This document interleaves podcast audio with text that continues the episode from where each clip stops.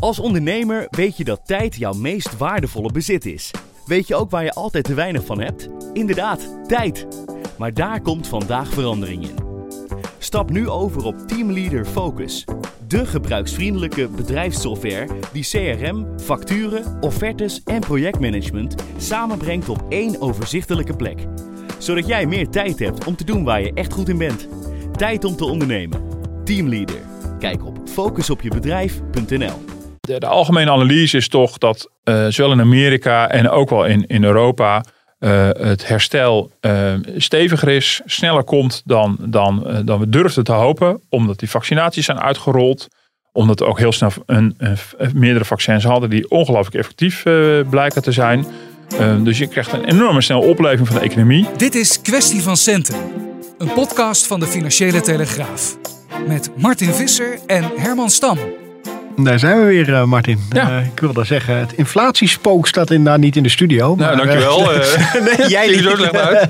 De bijwerking van de vaccinatie van afgelopen maandag. Ja, ja. ziet een beetje pips. Nou, je bent gevaccineerd, hè? De eerste, ja, zeker. Ja. eerste prik. Ja, jij toch ook? Ja, we zitten met allebei een beetje stijve armpjes achter, de, achter de laptop. Ja. Maar voor de rest voelen we ons goed. En gaat het terecht aankomen. Het, nou, de, de zomer, de roaring summer, maar daar hebben we het eerder over gehad. Ja. Ik probeer eigenlijk een brug te maken naar ons onderwerp van vandaag. En dat mhm. is het inflatiespook. Heeft oh ook allemaal, vaccins naar de inflatiespook. Precies, maar, maar, wel uh, corona gerelateerd natuurlijk. Want er is van alles aan de hand ook. Waardoor die inflatie omhoog gaat lopen. Mensen maken zich zorgen uh, op de beurs. Maar ook particulieren. Van, uh, die horen dan, ik zeg niet voor niks inflatiespook. Want dat klinkt natuurlijk altijd heel erg van. Hoe is dat heel eng. Ja. En wat doet dat met mijn prijzen? Ga ik meer betalen voor mijn koffie? En aan de benzinepomp. Nou, aan de pomp betalen we al heel veel meer al. Want ik heb net even getankt. Maar dan schrik je je rot. Was nog onder de 2 euro? Of, nog net, ja. ja. Ja, en dat gaan we eens op een rij zetten. Ook uh, hoe het nou komt dat inflatie oploopt. Uh, wat het beleid is van uh, bijvoorbeeld de Europese Centrale Bank. Mm -hmm. laten we eerst eens eventjes gewoon beginnen bij inflatie zelf. Want ik denk dat heel, voor heel veel luisteraars dat ook een beetje een vaag begrip is van wat gebeurt er nou eigenlijk als we het hebben over inflatiespook. Ja. En waarom moeten we daar bang voor zijn of juist ja. niet? Nou ja, inflatie is natuurlijk vrij simpel. Dat zijn de stijging van de prijzen, van de consumentenprijzen. Ja. En um, die worden natuurlijk in Nederland in, in alle landen wordt die berekend. En in Nederland doet het CBS dat op basis eh, van een, eh, van een mandje.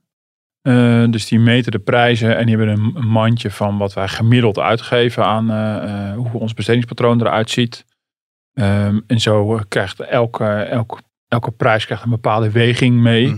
Nou, bijvoorbeeld, ik vind, de grootste blok is huisvesting, water, elektriciteit, gas en andere brandstoffen. Nou, dan komt de benzine alweer tevoorschijn. Dat is bijna 30% van onze van onze besteding. Uh, gemiddeld genomen volgens dit mandje. En op de, de, tweede plek staat dan voedingsmiddelen en alcohol, uh, alcoholvrije dranken. Want de alcoholhoudende dranken zijn weer apart. Maar ik lees nog allemaal voor hoe dat mandje eruit ziet. En zo wordt het helemaal opgebouwd. Ja.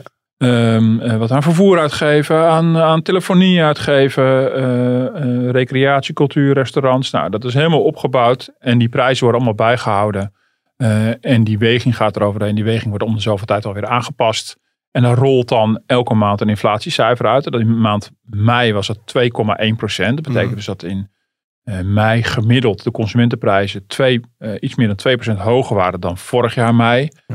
ja. en dat is opvallend, want vorig jaar hadden we in Nederland een inflatie van net boven de nul. En in sommige mm. landen zelfs onder de nul. Uh, ja, ook de coronacrisis, dat ook een gekke economische crisis is. Die heeft ook, ook hele gekke, uh, ja, terwijl verklaarbare, maar toch wel um, um, uh, ja, toch opmerkelijke uh, impact op ook de prijzen. Uh, net zo goed als we het hebben gehad over de faillissementen die achterbleven, de werklozen die daalden, of mm -hmm. de, economische groei die als een start wel op en neer gaat. Maar de inflatie die wordt ook sterk beïnvloed door de coronacrisis. En je ziet dus ook helemaal de economische beweging van die coronacrisis weer terug in dat inflatiecijfer. Ja, en dat mandje zelf, hè, want je vergelijkt het bijvoorbeeld met vorig jaar. Uh, Passen ze wel eens dingen aan in het mandje? Want de, wereld verandert en je hebt ook andere soorten inkopen die je weer doet. Uh, de, is dat makkelijk te veranderen voor die mensen? Ja, dat, is, um, dat wordt, uh, ik weet niet hoe vaak dat precies wordt gedaan, maar om de zoveel tijd. Dat, weet je, dat is ook die, die statistici, die, die, die zijn natuurlijk überhaupt gewoon internationaal ook altijd met elkaar in, in overleg. Er, wordt altijd, er zijn altijd discussies over de precieze definitie. Wat is wel niet werkeloosheid bijvoorbeeld. Mm uh, en dat geldt dus ook voor de inflatie. Hoe meet je de inflatie precies? In Nederland gebeurt dat weer iets anders dan Europees.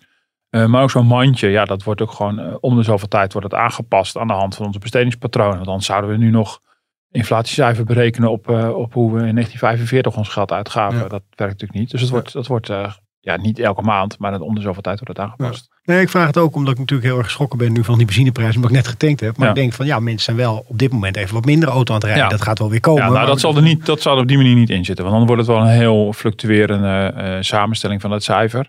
Dus dat is inderdaad wel waar. Um, ja, de ene kant valt het natuurlijk ineens op, omdat je wat minder vaak aan de, aan de pomp staat, als je, als je tenminste vaak thuis werkt.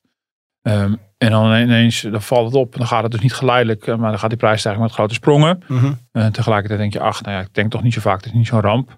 Maar het is niet zo dat CBS nu dat mandje aanpast aan ons grillige bestedingspatroon van de afgelopen anderhalf jaar. uh, zo werkt het dan weer niet. Nee, ze proberen wel de langere termijn trends uh, daarin mee te nemen. Ja en waarom is het zo dat uh, uh, bijvoorbeeld uh, instanties zoals de ECB het wel gezond vinden als je een bepaald percentage aan inflatie hebt? Waarom, waar, waarom streven Ja, dat, voelt raar hè? Ja, dat voelt heel raar, want de, de, centrale bank wil eigenlijk dat we een inflatie hebben van tegen de 2%. Dat is het streven. Dat betekent dus eigenlijk dat, dat het beleid van overheid en centrale bank erop gericht is dat de prijzen altijd blijven stijgen. Nou, dat, dat is, mm en, en voor een centrale bank is dat goed nieuws als de prijzen iets stijgen. Terwijl wij als consument natuurlijk denken, ja, dat wil ik, wil ik helemaal niet. Ik wil dat de prijs omlaag gaan. Ja. En, uh, maar de gedachte daarvan is, is niet zozeer dat ze vinden dat de prijzen met 2% moeten stijgen, maar dat ze willen voorkomen dat de prijzen gaan dalen. Dat, dat, en die 2% is een soort veiligheidsmarge. Niet voor niks in centrale bankenland ook een discussie van, ja, kan je ook niet andere veiligheidsmarges hanteren? Maar goed, dat, is, dat gaat, voert misschien een beetje te ver. Maar het is vooral daarop gericht om prijsdalingen te voorkomen. Want het idee is toch een deflatie, een prijsdaling kan een hele slechte impact hebben op, op eh, economische ontwikkeling. Meestal want, want, even voor mijn eigen beeld, dan krijg je bijvoorbeeld van dat je weet van nou, ik ga, moet nu eigenlijk een tv kopen, maar hij zou zomaar eens 100 euro goedkoper zijn over een maand. Dus ik wacht, ik wacht nog even lekker ja, met hem. Nou, dat is natuurlijk het meest gehoord en dat is ook wat het meest tot de verbeelding spreekt en wat het meest te begrijpen is. Dat je denkt, ja maar als, ik, als mijn aankoop over een maand uh, veel goedkoper is, dan wacht ik gewoon een maand en dan dan, dan, dan, gaat de hele economie op slot. Nou, nu blijkt in de praktijk dat, nog, dat aan de kant van de consument nog wel mee te vallen. Mm Dat was een aantal jaar geleden uh, in, in uh, als, als uitvloeisel van, van de vorige economische crisis speelde de deflatie of de angst ervoor ook een grote rol. En toen was er heel veel debat over, ja, gaan consumenten zich wel per se zoveel anders gedragen? Nou noem je een tv, nou is het dus al juist ook zo dat heel veel elektronica in de loop van een jaar alleen maar goedkoper is geworden. Mhm. Dat geldt dan toevallig niet voor de telefoontjes die bij ons in uw bureau liggen. Uh, maar uh, ja, kijk naar een printer of naar een televisie. Ja, voor, het, voor hetzelfde, uiteindelijk geef je vermoedelijk net zoveel geld uit, maar koop je een veel betere tv daarvoor. Mm -hmm. dus, uh, dus dat is een voorbeeld waarin je kan zien dat, dat, dat het helemaal niet zo is dat consument zijn aankoop allemaal uitstelt. Dat zou ook betekenen dat we per definitie altijd met z'n allen wachten op de uitverkoop. Nou, soms doe je dat wel, maar in heel veel gevallen ook niet. Maar dat is wel een, een, effect dat op zou kunnen treden. Met de grote angst bij de centrale banken zit toch meer aan, aan de bedrijvenkant dat op die manier op een gegeven moment dan de investeringen worden uitgesteld. Dat heeft mhm. ook met prijzen te maken. Maar als de prijzen gaan dalen, zou er toch een rem ook de investeringen zijn. En misschien ook aan de consument ook wel een deel. Maar mhm. je hebt dus inderdaad, het verstoort wel heel erg ons economisch gedrag. En in die zin zou je de, de, de prijsstijging toch als een soort van motortje kunnen zien. Dat je er belang bij hebt om, om nu aan de slag te gaan en niet, niet pas over een jaar. En, um, uh, ja, en dan is toch ook wel de angst dat als je dan deflatie hebt, dan krijg je een discussie over de lonen. Uh, want dan is de loonstijging ten opzichte van de prijs, uh, prijsdaling uh, loopt dan uit de hand. Mhm. Dus een deflatie, dan zijn we bang dat er een soort spiraal optreedt. En dat het dan van slecht naar erger gaat. En dat is eigenlijk de reden dat, dat centrale banken dan streven op de, de middellange termijn gemiddeld genomen zo tegen de 2% aan te zitten. Dus je zou eigenlijk meer een defla over een deflatiespook moeten hebben. Dat is gevaarlijker dan een inflatie. Ja, dat is, dat is ook niet helemaal waar. Want de centrale banken willen we ook niet dat, dat de, de inflatie, dat het wordt een spook zodra het echt heel hoog gaat worden. Als mhm. het ver boven die 2% uitkomt. Nou is in Amerika, de recente inflatie zijn we 5%. En dat is bedoeld dus niet voor niks dat de afgelopen maanden er onder beleggers, centrale bankiers en economen heel veel over inflatie wordt gesproken. Want er gebeurt natuurlijk wel iets uitzonderlijks. Mhm. Eh, in Europa is de inflatie pakken wij 2%. Maar de verwachting is dat het een procent of 3 gaat worden. Um, uh, ja, en dan is de vraag, ja, is het tijdelijk iets wat weer weg Of blijft dit hangen? Um, um, en je moet ook zien tegen de achtergrond van de, van de discussie die er sinds de eurocrisis al is. Over die, de, de, nou, zoals we dat populair zeggen, dat de geldpers die is aangezet door centrale banken. Normaal gesproken, als je heel veel geld bijdrukt, veroorzaak je vroeg of laat inflatie. Ja. Nou, de echte, Want dan is er gewoon, je geld is minder waard dan heel veel geld in de precies, markt. Precies, de echte diehards die heel erg tegen die geldpers waren, die hebben er ook steeds voor gewaarschuwd, maar die kregen steeds ongelijk. Dus, dus in die zin is die bijzonders aan de hand. Er is enorm veel geld de economie ingejaagd door alle grote centrale banken. En die inflatie kwam er niet. Hmm. En je, je hebt natuurlijk wel de angst dat, je, dat de centrale banken misschien te lang blijven doorgaan. Uh, dus, dus dat is wel een beetje de achtergrond waarmee ook naar zo'n cijfer wordt gekeken. Dan, je moet op een gegeven moment als centrale bank op een gegeven moment ook weer stoppen. Uh, dat is de reden ook dat beleggers eronder meer naar kijken. Ze weten, oké, als de inflatie te hard oploopt, als het te hard gaat, dan willen, centrale banken dat ook weer gaan afremmen. Dus heb je kans dat ze minder stimuleren. Nou, dat is dan voor beleggers minder gunstig. Uh, maar inderdaad, de inflatiespook is als het te hard oploopt. En wat je dan kunt gaan krijgen, is, is ook een soort spiraal, maar dan een spiraal omhoog. En dat hebben we natuurlijk ook wel gehad in de jaren, nou pak hem mee, jaren 70. Mm. Jaren 70 denk ik, begin jaren 80. Uh, eh, rondom de oliecrisis, uh, inflatie. En wat je toen nog had, was dat eigenlijk de, de lonen automatisch de prijzen volgden. In Nederland hebben we daar een knip in gelegd. In België heb je dat overigens nog steeds. Een soort automatisme. En dan krijg je een loonprijsspiraal. En daar is men toch wel heel erg beducht voor. Dat ja, terecht de vakbonden zeggen van ja, hallo, dat speelt nu dit jaar ook alweer. Van hallo, de prijzen stijgen met zoveel procent. Uh, mensen moeten wel gecompenseerd worden. Dus minstens zoveel procent ook lonen stijgen. kunnen ze niet meer betalen. Ja, Precies. Nou ja, en wat je dan toch gaat krijgen, dan worden, gaan de lonen omhoog. En dan wordt het voor bedrijven natuurlijk duurder om spullen te maken. Dat gaan ze verdisconteren de prijzen. Gaan de prijzen omhoog en dan moeten de lonen weer omhoog. En dan, nou goed, dan heb je de spiraal te pakken. En dat is ook de reden voor de centrale bank dat ze eigenlijk zouden willen dat de prijzen ongeveer stabiel blijven. En ongeveer stabiel is net boven een nul. Mhm. Het liefst is net onder de twee. Helder. En uh, je zei al even van nu is het debat van is het nou van tijdelijke aard wat je ziet in Amerika en Europa. Uh, corona heeft natuurlijk een belangrijke rol erin, want er is een enorme schaarste geweest. En nu komt opeens, trekt die vraag enorm aan. Ja.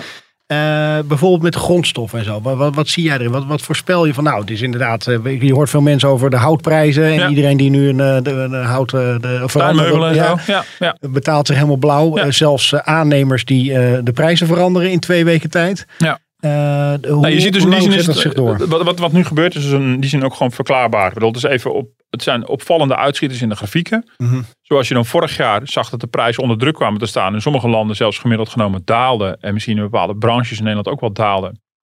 Uh, dat komt natuurlijk omdat de, de economie werd gedeeltelijk op slot gezet vanwege corona. Uh, dus de vraag viel heel erg uit. mensen konden niet naar het terras, al zouden ze willen. mensen konden niet uit eten hun besteding werd even door de war gegooid, hadden we net ook al over. Dat had ook een enorme impact op de prijzen. Dus die werden, stonden enorm onder druk. En nu zie je een soort tegenovergestelde gebeuren. Um, de, de, algemene analyse is toch dat uh, zowel in Amerika en ook wel in, in Europa uh, het herstel uh, steviger is, sneller komt dan, dan, dan we durfden te hopen. Omdat die vaccinaties zijn uitgerold. Omdat we ook heel snel een, meerdere vaccins hadden die ongelooflijk effectief blijken te zijn. Ehm, dus je krijgt een enorme snelle opleving van de economie. Uh, de, de, vraag trekt weer aan vanuit de bedrijven. Uh, we hebben het eerder ook al gehad over het vertrouwen bij, bij producenten natuurlijk enorm aan het toenemen is. Men vertrouwt weer op dat, dat, dat we de draad weer gaan oppakken. Dus je krijgt een enorme vraag naar grondstoffen. Je krijgt een logistiek probleem van het vervoeren van alle spullen. Um, dus, dus, uh, dus, dus dat zie je dat aan, aan de productiekant. Het begint dat het enigszins stagneert. Mm -hmm. nou, dan is natuurlijk de verwachting dat het zal wel tijdelijk zijn. Dat is niet meteen een, eh, een probleem wat blijvend is. Um, maar ja, het is alsof, alsof je gewoon, uh, ik veel, de, een haperende motor maar even hebt uitgezet. En dan zet je hem weer even aan. Dan heeft hij even mm tijd weer nodig om weer even goed op te starten. Nou, daar zijn we dus nu mee bezig. En dat, dat, die enorme vraag die leidt ertoe dat de olieprijzen stijgen. Die leidt ertoe dat bijvoorbeeld hout en allerlei andere grondstoffen in prijzen stijgen. En dat ga je natuurlijk terugzien. A, in het feit dat, je, dat niet in al die vragen meteen kan worden voldaan. Dus dat die productieprocessen op gang moeten komen. Uh, en dat vertaalt zich in hogere prijzen. Tegelijkertijd sectoren die weer open gaan, die denken van nou, uh, ik moet de schade van de afgelopen jaar inhalen. Dat zal ook een rol spelen. Mm. Moet ook maar kijken hoe de, hoe de horecaprijzen zich uh, ontwikkelen. Je denkt en, van, je gaat het wel krijgen, een eurotje boven een beetje. Ja, dat zou best kunnen. Overigens moet ik zeggen dat ik in, tot nu toe in, in de, meicijfers nog niet per se dat op die manier heel sterk zag. Hm. Van, kijk, de, de, in, in de Nederlandse inflatie is de grootste klapper zijn toch de brandstoffen. In de maand mei de brandstoffen waren met 20% in prijs gestegen met een jaar daarvoor. En uh, dat, zit, dat, zit, ja, dat zit in alle categorieën diesel, benzine en LPG. Mm -hmm. uh, dus dat is echt de grote klapper. En dan, uh, maar verder bijvoorbeeld ook, viel me ook op tuinmeubelen. Die stijgen dus al in prijs. Met 7% zijn die gestegen in de maand mei. Dus nou, dat is toch aanzienlijk. Dat zou dus wel iets met die grondstoffen te maken kunnen hebben, mm -hmm. met het hout.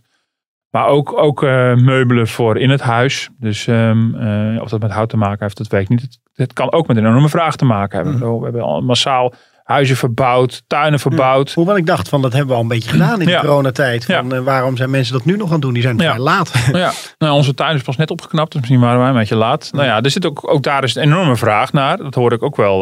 dat is ook een beetje anekdotisch dan. Maar de, de, de hoveniersbedrijven die hebben, hebben het behoorlijk druk, begrijp mhm. ik. Ja. Dus je kan achteraan sluiten in de rij. Ehm, dus volgens mij wordt er nog volop uh, verbouwd. We hebben nog wel een collega die grootschalig gaat verbouwen. Uh, ik, ik, hoor er nog best wel veel waar uh, flink verbouwd wordt. Dus ja, dat, dat, ja, die vraag zal ook tot hogere prijzen leiden. Um, en ja, en dan is ook toch verwachting. ja, dat, dat, dat, dat gaan we natuurlijk helemaal niet terug. Dat, dat zien we op een gegeven moment terug in wat we natuurlijk uitgeven. Um, ja, en omdat het natuurlijk wel vooralsnog zo één op één gekoppeld is aan de, aan aan ons veranderde consumptiepatroon, ons tijdelijk veranderde consumptiepatroon, aan het opstarten van de economie, is de verwachting dat het tijdelijk is. Want dat is ook wat, eh, wat de Europese Centrale Bank, mevrouw Lagarde, de president eh, deze week ook zei, van, ja, die gaat ervan uit dat die inflatie ook tijdelijk eh, zo zal stijgen. En in de nieuwe ramingen zie je ook voor Europa dat inderdaad de, de prijsstijging dit jaar naar ongeveer 2% gaan. Uh, dat was hoger dan ze eerder, eerder dachten. En dan volgend jaar is de verwachting al dat het maar anderhalf procent is. En dan mhm. in 2023 is het alweer onder de anderhalf procent. En dan zitten ze eigenlijk nog steeds onder het niveau wat ze eigenlijk willen bereiken. Dus nog steeds blijft die centrale bank een reden houden, als je naar de inflatiecijfers kijkt, om die geldpers te laten loeien. Ja. Maar hoe kunnen zij, want dat doen ze dus uh, op de ene manier aan de ene kant om die economie te stimuleren. Maar wat ga je op een gegeven moment doen als centrale bank als je zegt van nou het inflatiecijfer echt uit de hand aan het lopen. Ja. welke middelen kan je dan allemaal gebruiken? Ja, dan moet je natuurlijk op de rem gaan trappen en dan kan je de rente verhogen uiteindelijk. Mm -hmm. bedoel, daar zijn we nog heel ver vandaan, uh, denk ik. Ik bedoel, de rente is in, in Europa uit nul. Uh, maar dat kan je natuurlijk dan wel gaan krijgen. Je ziet op de markt dat, dat al gebeuren. Het aantrekkelijk voor mensen om te zeggen: ik ga niet uitgeven. Ja, kijk, wat je, wat, maar hier spelen alle dingen door elkaar Je hebt natuurlijk de economie en je hebt de politiek. En formeel is, is de ECB natuurlijk voor bedoeld voor om, om de economie te accommoderen. Mhm. Maar informeel eh, merk je natuurlijk steeds meer dat het ook is om de politiek te, een handje te helpen. Ja. Ik bedoel, eh, die, die, de, de rente, officiële rentetarief staat al op nul. Nou, uh, dan heb je, dat is gewoon de, de, de, de, korte rente, zeg maar. Maar om ook gewoon alle andere rentetarieven voor, voor langer lopend papier te drukken, is de ECB al heel lang bezig om allerlei obligaties uit de markt op te kopen. En door dat op te kopen, duw je die rente verder omlaag. Mm daarmee wordt natuurlijk niet alleen de economie aangezwengeld. En bij een lage rente kunnen bedrijven kredieten aangaan, kunnen wij schulden maken om geld uit te gaan geven. Maar wordt natuurlijk ook de overheden geholpen. Want ja, de rentelast op die staatsschulden, nou dat zien we ook in Nederland. Uh, die zijn natuurlijk krankzinnig laag. In Nederland uh, uh, was het heel even weer boven de nul gekomen. Maar zit het inmiddels weer onder de nul, de, de mm. tienjaarsrente. Maar Zuid-Europese landen profiteren daar natuurlijk ook van. Dus dat is de politieke mm kant. Dus, dus er zal niet heel snel om die reden alleen al gezegd worden van nou weet je, die rente mag weer wat oplopen. Dat mm. zien men eerder als een zorg. Ja. Klaas Knot is een van de weinigen binnen het ECB-bestuur, die zegt nou, vanwege de corona is het nu al zo lang van het welletjes geweest. Maar mm -hmm. de formele lijn van de ECB is nog steeds, we blijven extra uh, opkopen in de markten vanwege de coronacrisis. En dan spelen die politiek speelt daar wel een rol in. want wij schrikken natuurlijk dan allemaal in de stress en denken we, hé, hey, dan gaat dus ook de rente van je hypotheek oplopen. En ja. uh, dan moet nog even snel oversluiten of toch nog de laagste deal pakken, want dan gaan we de andere kant Precies, en dat is, ook, dat is ook de lijn van de centrale bank. Van, ja, we willen niet nu dat de rentes gaan stijgen, want de, de, de, de economie, het herstel van de economie heeft ook nodig dat de rente nog even laag blijft inderdaad dat mensen blijven uitgeven, dat bedrijven blijven investeren. Dus als je nu die andere beweging al in zou zetten, mhm. ja, dan zou dat het herstel in de kiem kunnen smoren, is de gedachte. En uh, overigens over die, over die overheden nog, nog toe te voegen van belang, als die rente heel laag is, uh, is dus de staatsschuld goedkoop. Dan is het goedkoop om geld te lenen. Maar stel dat dat samen zou gaan met een oplopende inflatie, nou dan is het helemaal spekje naar het bekje van de Italianen. Hmm. Want dan infleer je ook die schuld nog eens een keer weg. Want die schuld wordt ook minder waard als de prijzen stijgen. Ja. Dus in die zin, um, dat wordt ook wel de critici van de ECB, die verdenken de ECB natuurlijk een beetje van. Dat je natuurlijk op die manier, als je de rente laag hebt en jaagt de inflatie aan, hmm. dat je op twee manieren die Zuid-Europese landen helpt. Nou, dat zal de ECB nooit letterlijk zo toegeven. Maar de praktijk is natuurlijk wel zo. Een beetje inflatie is voor de, voor de Italianen natuurlijk helemaal niet erg. Ja. Hey, en, en voor onszelf, hè, wij zijn natuurlijk eh, bekend als uh, spaarkoningen. Heeft dat dan nog extra wat mee te maken dat we nu zoveel gespaard hebben dat we denken van nou, we gaan even lekker uitgeven na coronatijd? Ja. Dat, dat je bij ons misschien een hogere inflatiesprong ziet dan in andere landen? Nou, dat zou, dat zou kunnen. Tot nu toe um, zit Nederland um, um, nou, pak een beetje om en nabij het Europese gemiddelde, als ik het eh, goed heb. Dat, dat, dat wijkt er niet heel veel van af.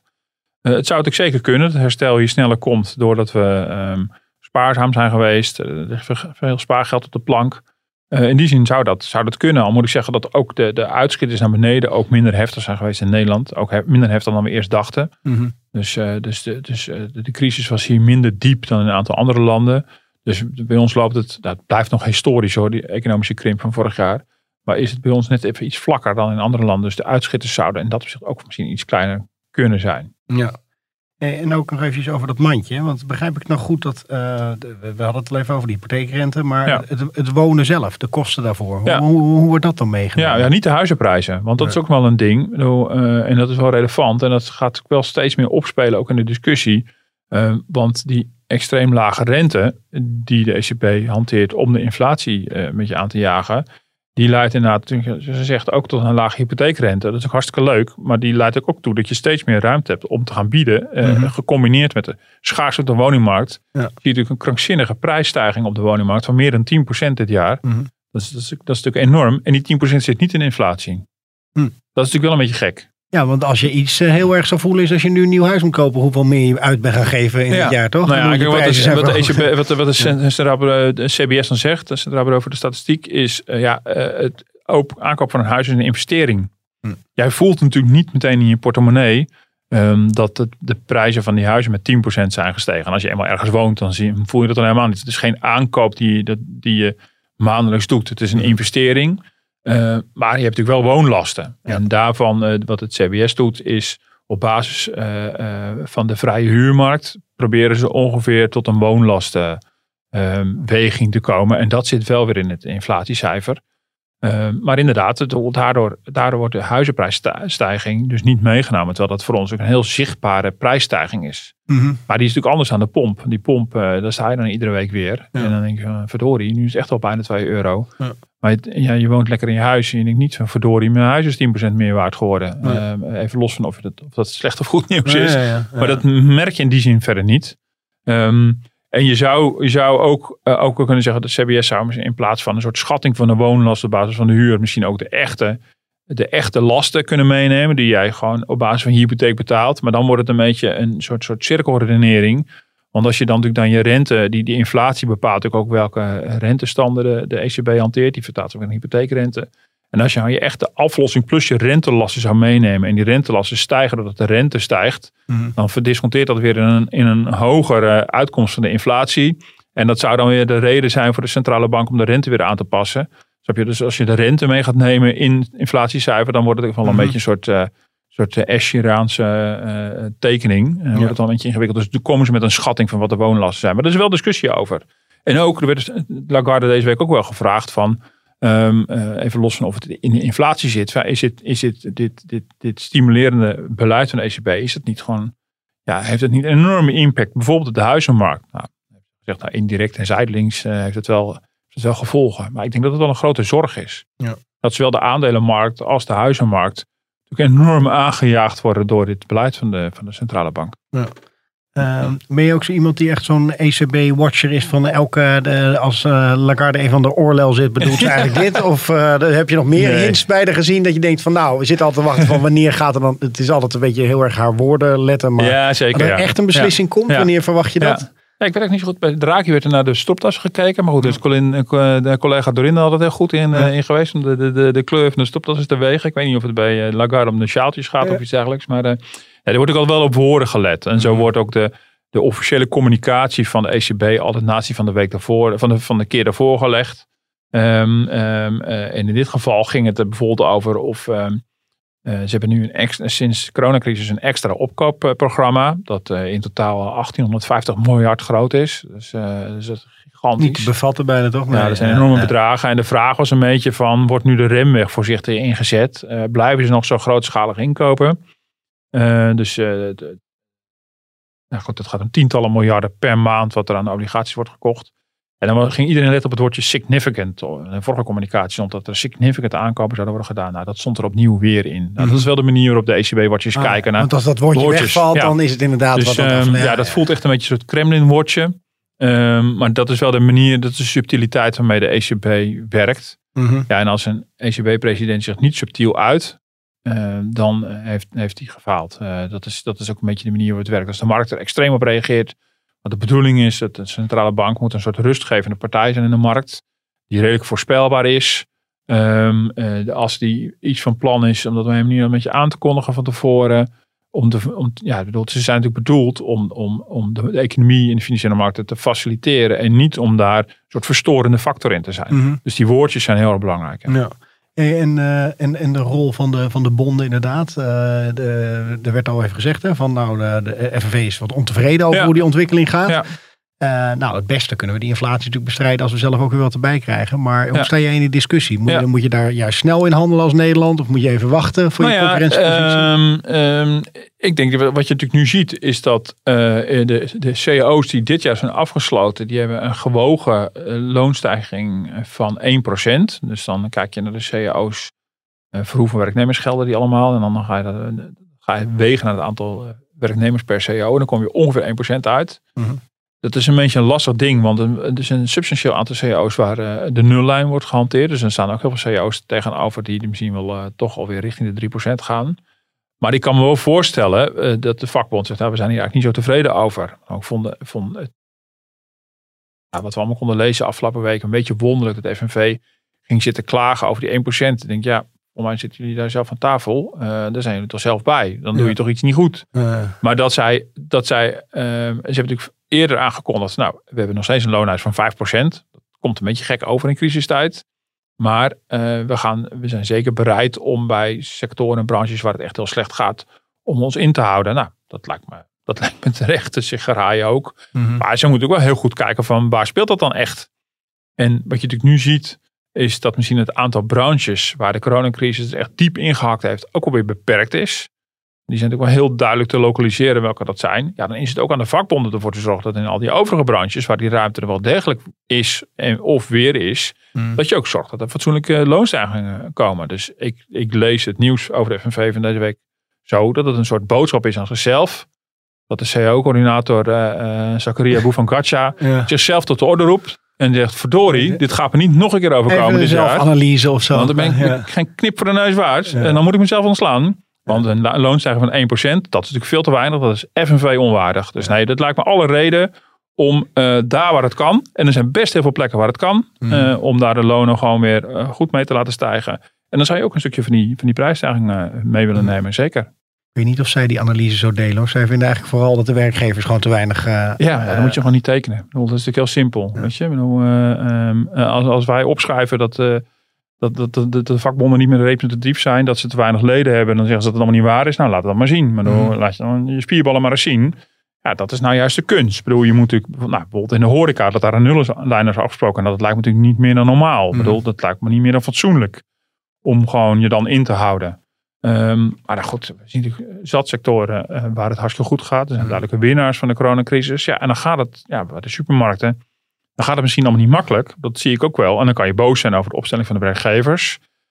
Ja, om nou boos te zijn over de loonakkoorden die je hebt allemaal hebt gerealiseerd. Ja, daar staat ook je handtekening uiteindelijk mhm. onder. Dus ik, dat, dat relativeer ik allemaal een beetje. En denk, ja, dan, dan, daar ben je zelf bij. En dan moet je op een gegeven moment ook uh, pick your battles. En dan moet je hem ook gewoon flink, flink uitvechten. Daar ben je als vakbond ook voor. Nou, dat is gewoon het krachtenspel. Ja.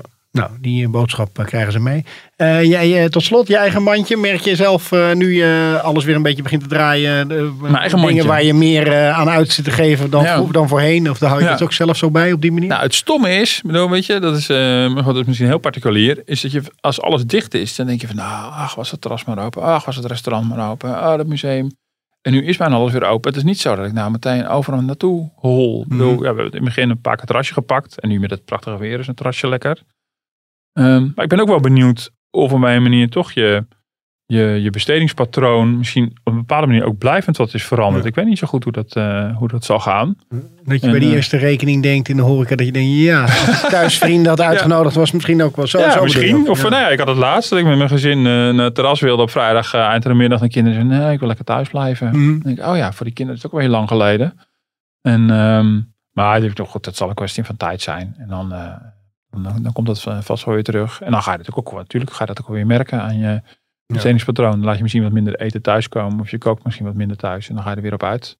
En zeker als we een zomervakantie hebben gehad. En de zomer dan, dan is toch alles een beetje anders. En dan, uh, ja, als het in september qua corona rustig blijft. Dan heb je kans dat heel veel van zulke dingen gewoon weer min of meer normaal zijn. Ja.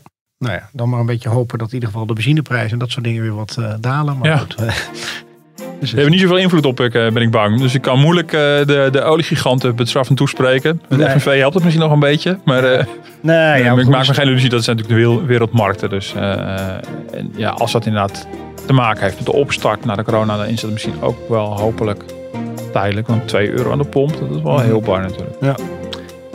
Dankjewel Martin voor je tijd. Graag gedaan. Uh, blijf ons beoordelen op podcast apps. Tenminste op degene waar Dat zeg je nu tegen de luisteraars, hè? mag ik kopen. Ja, ja, jij mag ook doen hoor. Ik ben heel benieuwd hoe je een evaluatietje van ons gesprek. dat is een goed verhaal. dat, dat doen we intern. Uh, en mail ons ook op podcast.dft.nl. Jij mag ons ook mailen hoor, Martin. Maar liever de luisteraar. Zeker, dat vinden we altijd leuk. Ja. En bedankt voor het luisteren. Tot volgende week. Tot volgende week.